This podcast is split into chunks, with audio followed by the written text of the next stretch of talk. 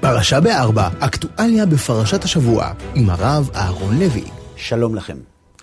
האסון הגדול שפקד את עם ישראל בשבת שמחת תורה באמת לא ניתן להכלה, גם בגלל מספר הקורבנות הנורא, וגם בגלל האכזריות הנוראה שבה הם נטבחו.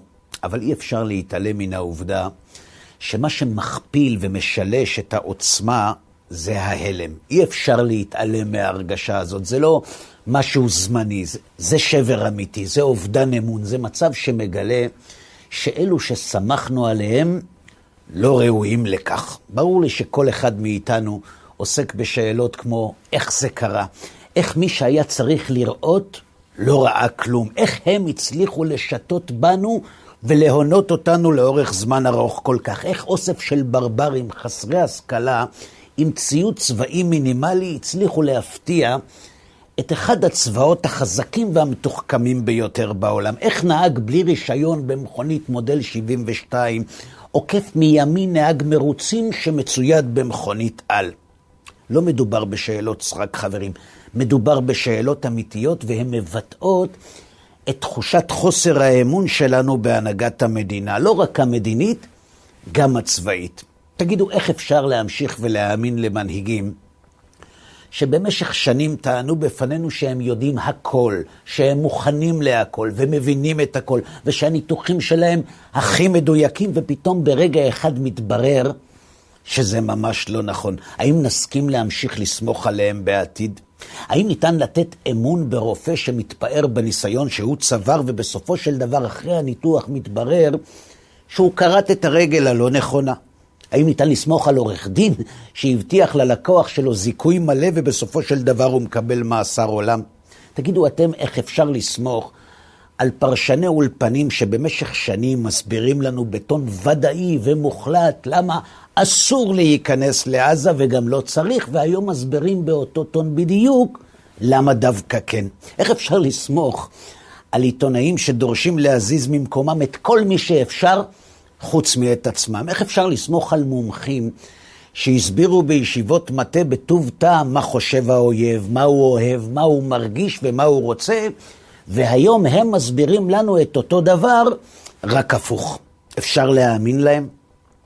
לכן הכישלון צורב, גם בגלל התוצאה, אבל גם בגלל שמתברר שמדובר בכישלון מערכתי, מדיני, צבאי, מודיעיני ואפילו עיתונאי. פתאום מתברר לנו שזו לא קונספציה אחת שקרסה בשבת שמחת תורה.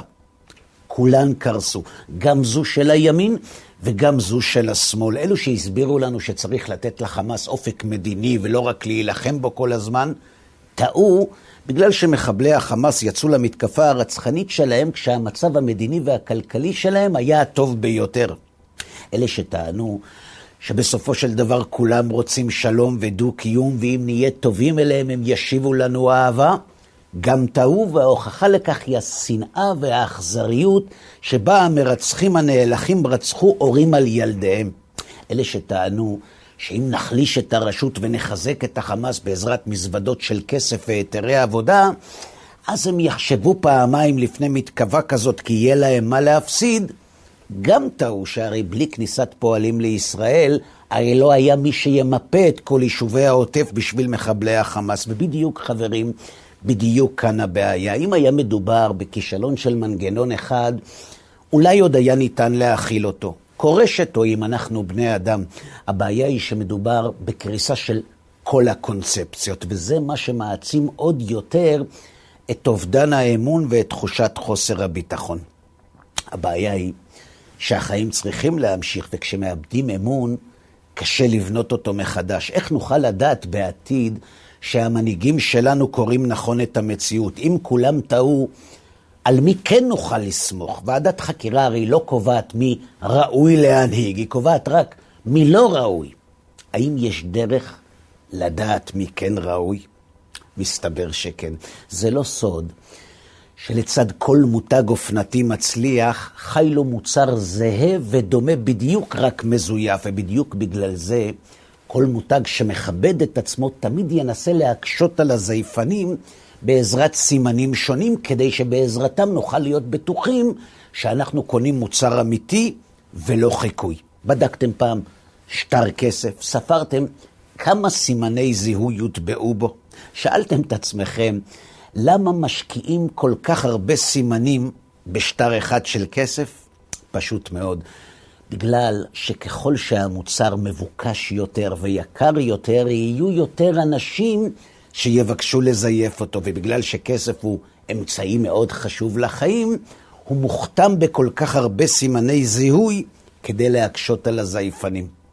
אלא חברים, שאם כסף שהוא רק אמצעי לחיים, כל כך הרבה אנשים מנסים לזייף אותו, מה לגבי החיים עצמם? תגידו אתם, האם יש סכנה גדולה יותר מאדם מזויף? האם יש גרוע ומסוכן מאחד שמתחזה לאוהב והוא בעצם לא, או מאחד שמתחזה לפסיכולוג או לרופא או לחכם או לצדיק והוא ממש ממש לא? איזה נזק יכול להיגרם לחיים שלנו מאנשים כאלה? האם הוא לא הרבה יותר גדול מהנזק שברכישת תיק או שעון או כסף, גם אם הם מזויפים?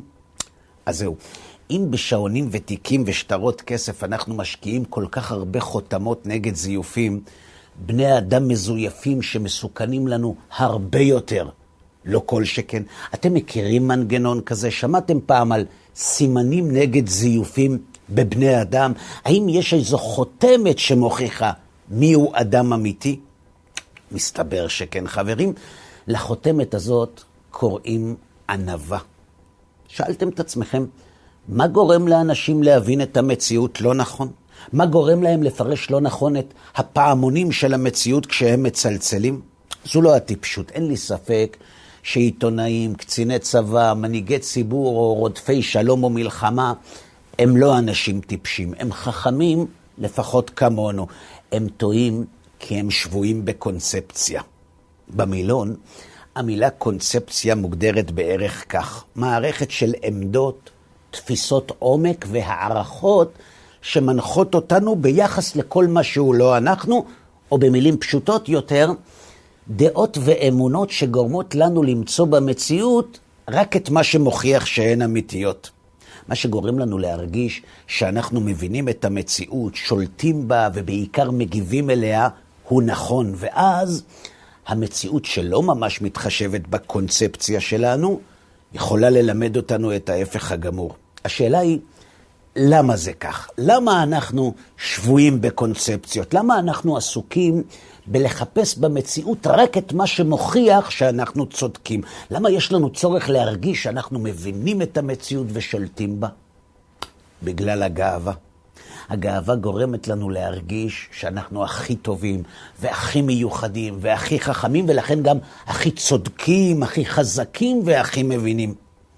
וכשזה מה שאנחנו מרגישים, תגידו אתם, איך לא נתייחס למי שלא חושב כמונו, כחכם או כטיפש? האם נחשוב לרגע שהוא צודק מאיתנו או חכם מאיתנו? ואם הוא לא, אז בשביל מה להקשיב לו? ואז, כשהקונספציה של הגאווה קורסת, אנחנו פתאום לא מבינים איך התעלמנו מכל תמרורי האזהרה ואיך לא ראינו אותם. הגאווה היא זו שגורמת לנו לחיות את החיקוי המזויף של המציאות, והענווה גורמת לנו לחיות את החיים עצמם. לכן, קונספציות קורסות רק אצל אנשים יהירים וגאוותנים, ולא אצל צנועים וענוותנים. אלא חברים, שאם אנחנו כאנשים פרטיים נדרשים לענווה כדי לחיות את החיים האמיתיים, אנשים שמנהיגים חיים של בני אדם רבים כל כך לא נדרשים לה יותר?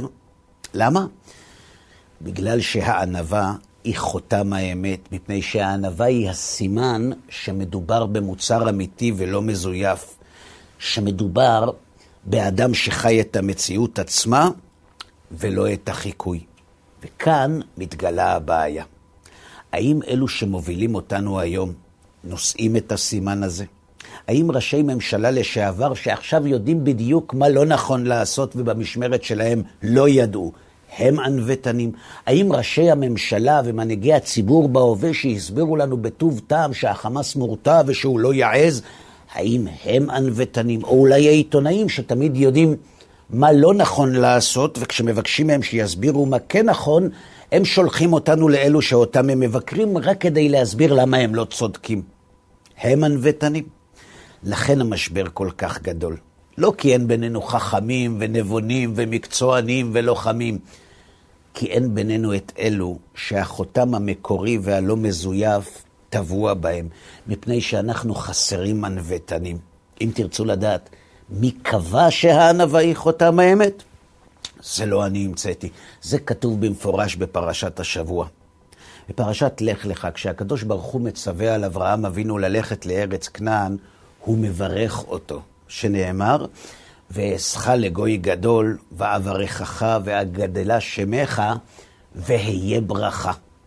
ועל כך כותב רש"י, ואעשך לגוי גדול, זהו שאומרים אלוהי אברהם, ואברכך, זהו שאומרים אלוהי יצחק, והגדלה שמך, זהו שאומרים אלוהי יעקב. יכול יהיו חותמים בכולם?